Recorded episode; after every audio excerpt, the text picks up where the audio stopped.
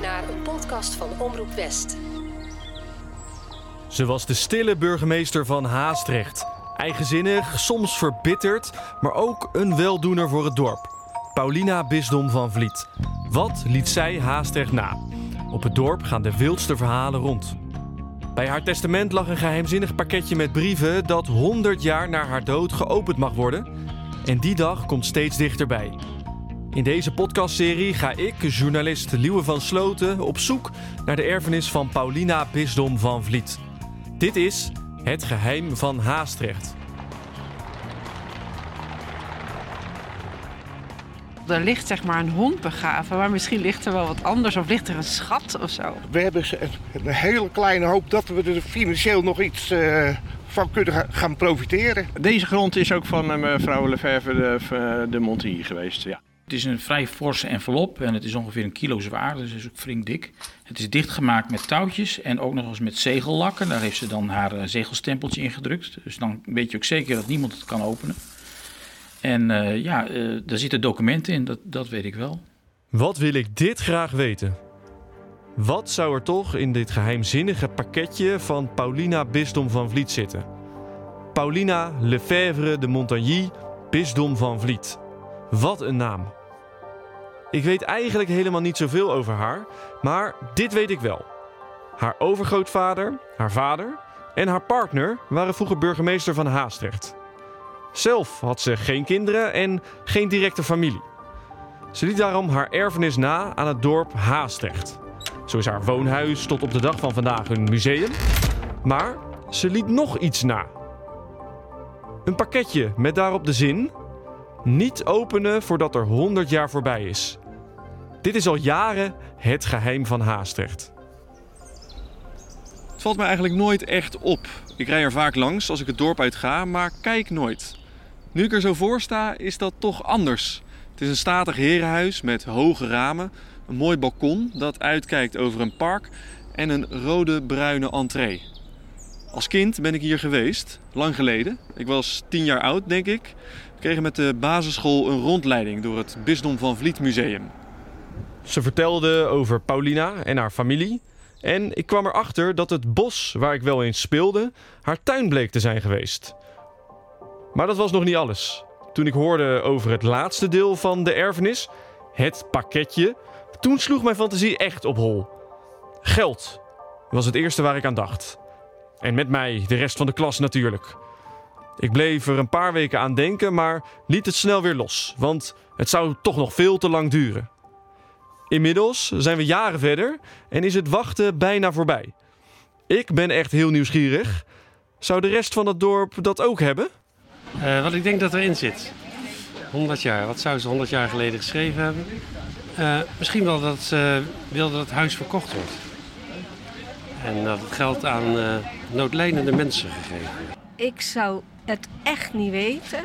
Het enige wat ik hoop is dat het museum in stand mag blijven. Want het is nu helemaal verbouwd en prachtig geworden. Dus ik hoop dat dat uh, intact kan blijven. En waarom hoopt u dat zo erg? Ja, het is zo'n prachtige plek. Ik weet niet of u er al geweest bent met de overtuin die nu zo goed mogelijk gerestaureerd is. Het museum. Je zou toch niet willen dat daar uh, een hotel of uh, een bejaardencentrum in kwam. Want dat zit er ook al aan de overkant. Dus dat is niet nodig. Nee. Dus we hopen dat het zo mag blijven. Ja.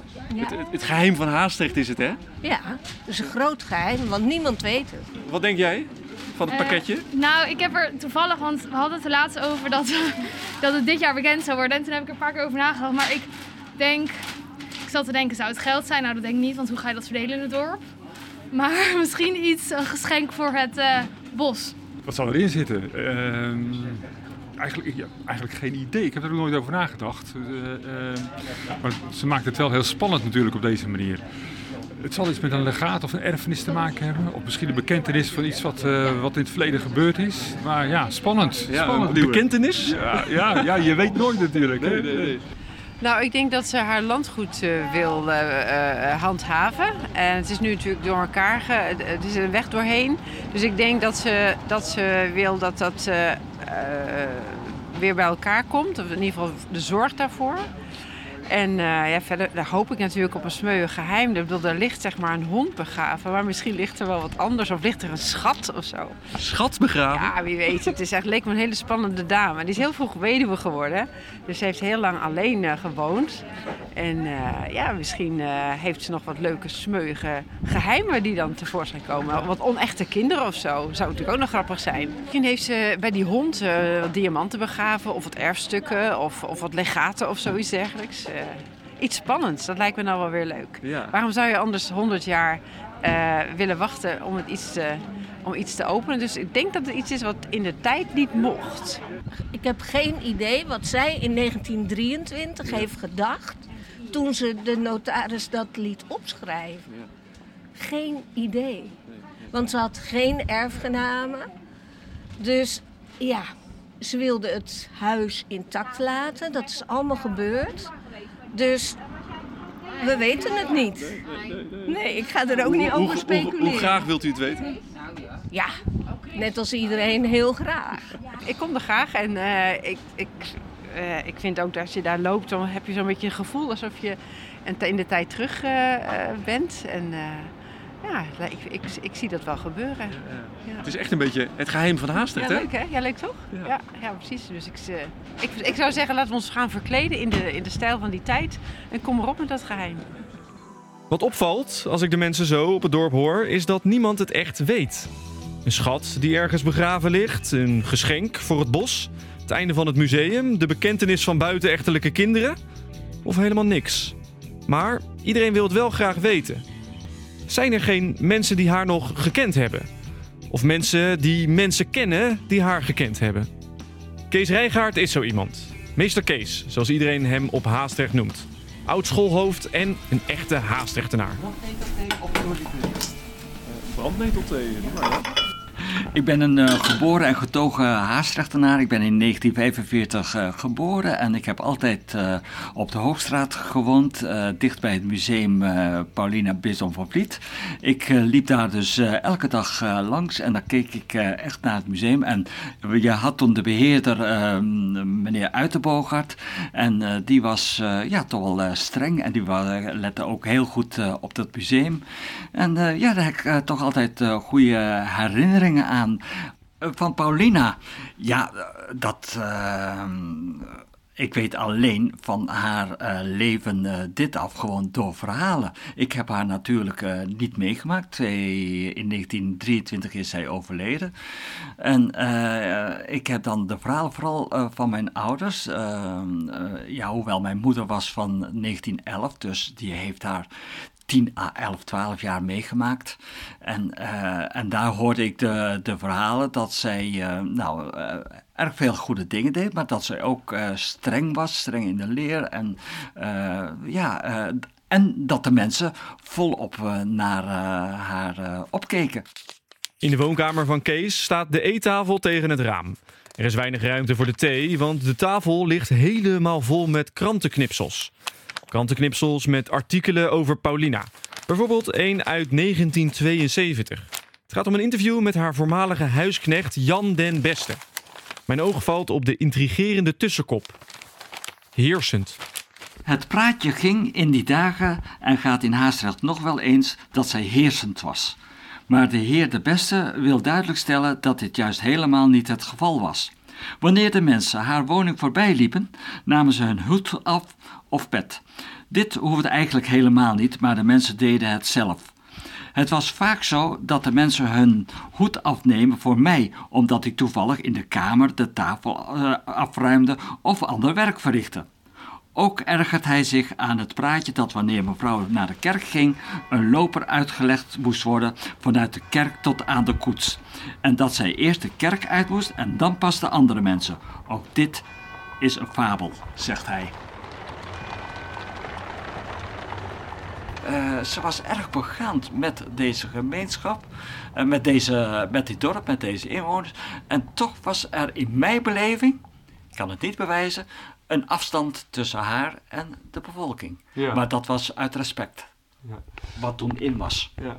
Ehm, speelt het misschien ook mee dat er dus in haar testament nog iets staat? Nog iets eh, wat Ja. we nog niet weten? Ja, een pakketje dat nog onthuld moet worden? Eh, dat, eh, want daar had mijn moeder het altijd over. Ze zei, ja, ik, wij zullen het wel niet meemaken, maar ik ben wel benieuwd wat daarin staat. En dat zijn we allemaal. Ik ben ook ontzettend nieuwsgierig. Want dit kan van alles zijn. En ik denk wel eens van... eh, en dat wordt tegengesproken, maar het zou best kunnen van... Nou, het is 100 jaar museum geweest, het mag stoppen. Nou, dat moet juridisch echt bekeken worden. Van, kan dit? Ja, ja. ja want wat denk je als je een beetje je, je vrije gedachten laat gaan, je fantasie laat gaan? Wat denk je dat er in dat pakketje zit? Nou, inderdaad, dit. Ja? Ja, van eh, nou, eh, het is fantastisch dat het 100 jaar eh, een museum is geweest. En we zullen waarschijnlijk een hele andere tijd. En laten we maar. ja, dat, dat denk ik. Waarom denk je dat? Ja, ja, wat zou het anders moeten zijn? Ehm, eh, financiën of geld, of dan is dat in waarde achteruit gegaan. Of ze moet eh, goed besteed hebben in eh, bepaalde aandelen. Maar dat moeten dan geen Russische zijn van voor de oorlog, want die zijn allemaal verloren gegaan. Kees vertelde mij ook nog dat ik langs Nelly Gerritsen moest. Ook een echte haastrechtenaar, zo zei hij. Iemand die via haar familie nog veel verhalen over Paulina kent. Dag Nelly, hoi. Hoi. Luwe. Welkom. Dankjewel. Haar oma bracht altijd pap bij Paulina langs. Mijn oma. Jouw Ja, oma? mijn omaatje van buren. Ja, dat is de overlevering hoor. Die zei, dat heb ik altijd gehoord, dat oma om s'avonds om een uur of half negen altijd ging met eh karnemelkse pap. En dan ging s'avonds naar eh, mevrouw Pauline Lefebvre de Montilly om die pap te brengen. En waarom bracht ze die pap daar? Ja, dat, of ze dat gevraagd hebben, dat weet ik niet.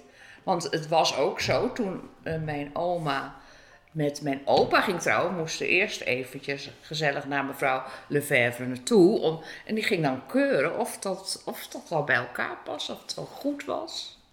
Ja, dus je moest, je moest een soort toestemming halen. Moest een soort toestemming, ja, ja. Mijn oma die heeft altijd tuberculose gehad, vroeger. En in het bos, wat nu de overtuin is, daar was, eh, waren allemaal bedden en een serre. En al die mensen met tuberculose lagen, lagen daar. eh, het was misschien uit dankbaarheid wel. Want zij heeft daar echt twee of drie jaar daar wel in dat bos gelegen, in die serre. Zij was bijna burgemeester, zeg Ja. maar. Dus ze keek je tegenop. Daar deed je zo tegen. Maar er gingen ook verhalen dat als zij in de koets door de frist ging, dat de molens werden stilgezet. Maar dat was echt niet zo. Dat was omdat de paarden daarvan schrokken. Ja, maar eh, eh, dat verhaal is, is inderdaad niet waar. Maar toch is het verhaal daar. Het komt toch ergens vandaan dan, zou je zeggen? Ja, ja dat komt ergens vandaan. Ja, Ja, dus dan zou je zeggen van, er zijn ook wel mensen die eh, anders naar haar ja kijken. absoluut. Ja. Er is altijd een tweedeling. Of je vindt haar, denk je nou, dat is de goede tierheid van Nazar. Of je denkt nou, eh, die hield van macht. Ja. Ja, en misschien ligt het ergens daartussenin. Ze, ik denk wel dat ze eenzaam is, geweest, is eh, geweest daar in het huis, ja. Maar je denkt dus echt dat zij echt een goed persoon was? Ja, daar, daar- daar twijfelen mensen over, maar ik denk het wel. Alleen, ja, ze had zo de dingetjes zo van... eh, maar daar had ze gelijk in. Ze had zoiets van, eh, ik ga mensen geen geld geven... Want dan gaan die mannen dat allemaal opdrinken in de kroeg. Ik ga dat niet doen. Ik heb briefjes, ze moeten bij mij thuiskomen. En dan krijgen ze een briefje en er staat een kilo aardappelen. En, en, en dat, ik dat vind ik een vondst. Nelly staat duidelijk aan de kant van de goedheid van Paulina. Ze romantiseert haar ook wel een beetje. Maar ja, de negatieve verhalen komen toch niet uit de lucht vallen? Dat heeft iemand toch ook ooit bedacht? Ik ga op zoek naar iemand die veel weet van de geschiedenis. Kan me altijd bellen hoor. Ik ben, eh, ik ben eh, aanwezig. En kom uit bij Wiro Spruit. Als je kip hebt, dan heb je al gauw muizen. Oh, kip, kip, kip. Nou. Ze hebben honger? Ze hebben honger, ja. Over de sloot, houten balk, lopen we overheen. Hey Wiro, we staan hier eh, in jouw voedselbos. Ik kijk hier voor me, ik zie eh, heel veel weiland. Ik Kijk eventjes naar links, dan zie ik het, eh, de zijkant van het Haag Haastrechtse bos. En eh, als we dan weer eh, de andere kant op kijken, dan zien we de tennisvereniging en de voetbalvereniging. En dan daarachter, ja, ik weet niet of we het kunnen zien, het huis van Paulina. Ja, daar zie je het huis van Pauline staan. Dat is heel mooi. Daar zie je Was nog- deze grond nou van haar vroeger? Ja, deze grond is ook van mevrouw Lefebvre de, de Montier geweest. Ja, dus, dit eh, dit is eh, dus, dus zowel mijn grond En, als... en, wat, en wat werd, nu is deze grond voor jou, je hebt hier een voedselbos, Ja. maar wat werd hier vroeger mee gedaan? Ja, hier werd gewoon vee opgehouden. Dus zeg wel, zowel schapen als, ehm, als eh, koeien, zeg maar. En, maar dat, dat is een klein stukje geschiedenis. Voor aan de weg heeft een, een steenfabriek gestaan. En eh, de, de, eh, de stenen werden hier, zeg maar, voordat ze gebakken werden, er werd eerst klei van gemaakt, werden ze. Voordat ze gebakken werden, werden ze hier, die klompen klei werden gedroogd. En er werd, werd met paarden gewerkt. En dat is ook wel bijzonder, want ik heb hier wel een stuk of 12, 13 hoefijzers gevonden van paarden die dus op die manier heen en weer, heen en weer liepen. Interessant, al die verhalen van vroeger. Maar elk gesprek leidt bedoeld of onbedoeld naar de inhoud van het pakketje. Er gaan allerlei theorieën rond, zo hoorde ik al eerder op de markt. Als het gaat om het geld, hoopt iedereen natuurlijk een graantje mee te kunnen pikken. Ik besluit eens langs te gaan bij oude verenigingen van Haastrecht. De gymnastiekvereniging en de voetbalvereniging. Ik weet nog van de rondleiding op de basisschool dat zij daar erg bij betrokken was. Zo hangen er volgens mij nog foto's in het museum. De oudste is gymnastiekvereniging Olympia, opgericht in 1898. Ria Straver was er vroeger penningmeester en Jannie Streng heeft ook jaren in het bestuur gezeten. Hij lekt. Hij lekt. Ze nodigen me bij Jannie thuis uit voor een kop koffie. Net of ik nooit geen koffie zet. Gooi ze gewoon even weg en beginnen gewoon opnieuw. ja, nou gaat hij lukken. We hebben de tafel vol liggen met eh, foto's. Hè? Ehm, je ziet ook zo'n, hoe heet dat ook weer, een trapezium dat ze op elkaar zo gaan stapelen. Ja, dat deden ze toen, maar dat was bij ons niet meer. Nee, ja, wel eens als een geintje dat ze dat deden. Ja, maar ik denk dat dat ook meer een onderdeel voor heren geweest is. Ja. dat denk ik ook. Maar voor, voor de mensen die dat niet kennen, wat is dat? Eh, gewoon opstapelen. Met mensen stapelen. Een torentje maken van mensen op elkaar. Ja. Eh, wat betekende de, de, de vereniging nou voor het dorp, denken jullie? Eh, vroeger in die tijd. Eh, wat- Heel veel. Er was niks. Heel veel, ja. Ja, wa- waarom zoveel dan? Dat was het enigste sociale gebeuren eigenlijk voor kinderen. voetbal en eh, gym. Voetbal en gym was er, meer was er niet. Nee. Vandaar dat je op een gegeven moment ook heel veel leden had. En vanaf vier jaar mochten ze komen tot eh 85, 90. Ja hoor. En nog steeds. Ja. Ja. Ja, dus het bracht het dorp echt samen, als ik Ja, dat zo hoor. ja, ja, absoluut. Ja, Ja. ja. Dus eh, dat, dat was misschien ook wel een beetje de gedachte van Paulina erachter geweest. Dat denk ik ook, ja. Het sociale gebeuren. Ja. En dat iedereen toch eh, connecties zocht met elkaar. Want iedereen, ja, toen die tijd, iedereen kent iedereen. Ja. Ja. Ja. Ja. Het dorp was natuurlijk best klein. Ja. En je zat met elkaar op school en het was gewoon één Ja. gemeenschap. Wat was dan de betrokkenheid van Paulina Bisdom van Vliet met de vereniging? Zij was wel beschermvrouw. En elk, ieder jaar krijgen, krijgen we nog wel, en volgens mij Ja. nog, krijgen we wel een bijdrage. 100 gulden zijn ze mee begonnen. In mijn tijd was dat 100 gulden. Kon ik elk jaar bij het Ja. museum eh 100 gulden gaan halen. En volgens mij is dat nu nog steeds, nu is het 50 euro. Ja. Maar, oh jij was natuurlijk penningmeester, Ja, Dus, ja, hoe, ging dat dan? Nou ja, eh, dan kreeg ik geloof ik een seintje dat eh, het lag weer klaar. Want ik denk dat ze meerdere verenigingen hadden die elk jaar dus zo'n donatie kregen. En dan eh, kon ik het weer komen halen. Dus dan sprak ik dat af en dan kwam ik en dan praatje, praatje. En dan eh, kreeg ik mijn centjes en dan... eh, En was dat de eigenaar van het museum? Of? ja, nou degene die het museum beheerde. Oké. Maar dat was contant geld? Ja. Oké. Ja. En eh, weet je waarom eh, Paulina dat, dat eh, zo had nagelaten? Dat ze elk jaar dus 100 gulden, nu 50 euro, eh, naliet aan jullie vereniging? Ja, ik denk dan te ondersteunen. Ja. Alleen ja, het bedrag zegt natuurlijk steeds minder. Ja, Maar het is, het is wel vroeger- mooi, mooi Maar het gebaar. is- ja. Over al die jaren, als je dat dan bij elkaar optelt, is dat best veel geld. Mhm. Ja. Hey, en als je dit zo eh, meeneemt in je achterhoofd en nou ja, het feit dat zij elk jaar 100 gulden eh, schonk aan de vereniging, wat denken jullie dan dat er in het pakketje zit? Ehm, geen idee. En jij, Misschien Ria, blijven- wat denk jij? Ik denk dat het allemaal wel meevalt. Dat er meer één of iets beschreven staat. Zij kan toch ook niet in de toekomst kijken van... om iets op papier te zetten. Wat is over 100 jaar nou nog... Belangrijk. Wat voor jullie en waarin kan ik jullie bijstaan of niet? Nee.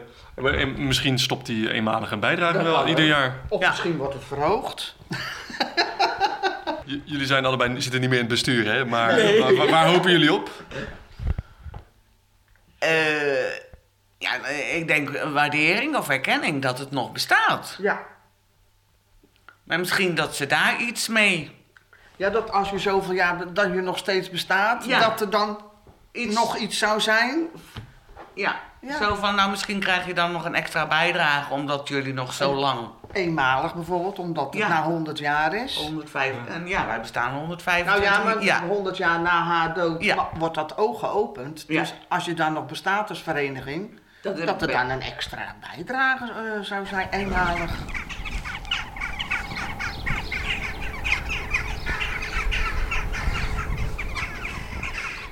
Ik kom aan bij de VVH, voetbalvereniging Haastrecht, spelend in het geel-zwart. Het is niet ver van het vroegere huis van Paulina. Vanaf haar steek je de weg schuin over en ga je aan de andere kant naar beneden. Je komt aan op het complex met twee velden, één kunstgras en één gras. En een trainingsveld, ook kunstgras. En daarvoor een grote parkeerplaats. Zo, goedemorgen. Hey. Zo, ga je een live verslag doen? Nou, we gaan even wat opnemen, hè? Oh. Ik loop met Gert Verstegen rondje om het eh, eerste veld. Hij is eh, secretaris bij de club en al jaren betrokken.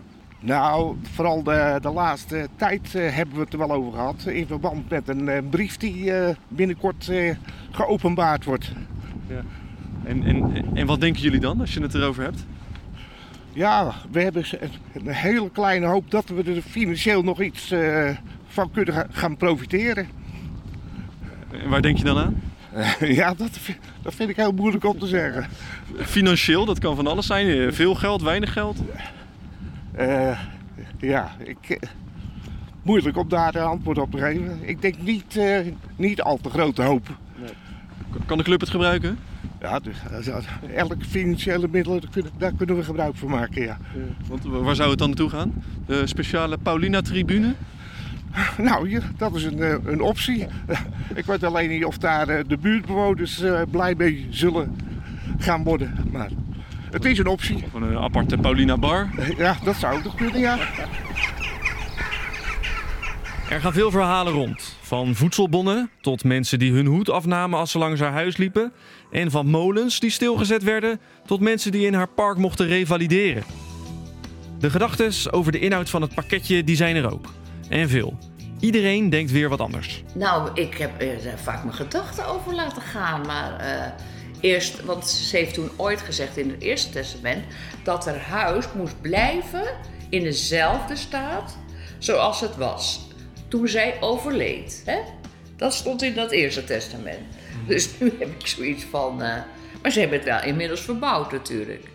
Het is helemaal opgeknapt. Het is echt heel prachtig. Dus het kan best zo zijn dat ze nou heeft iets. Ik vind het na 100 jaar wel genoeg. Dus dat ze zegt, eh, het huis mag gesloopt worden of zo? Nou, gesloopt denk ik niet, maar eh, ja, een andere bestemming ervoor of zo. Ik hoop niet hoor. Het is echt een heel prachtig museum. Ik kan ook niet voorstellen dat er ergens nog iets begraven ligt. Misschien juwelen ergens nog. Maar dat zou ook. Begraven ligt? Ja. Of dat ze dat verstopt heeft, of weet ik veel. Veel verhalen spreken elkaar tegen. Was zij nou echt die weldoener voor het dorp? Of was ze gewoon een rijke dame die neerkeek op het volk? Ik moet op zoek naar wie Paulina echt was. Bedankt voor het luisteren naar aflevering 1. Vond je dit een leuke aflevering? Laat dan een review achter, geef een rating en deel hem met vrienden.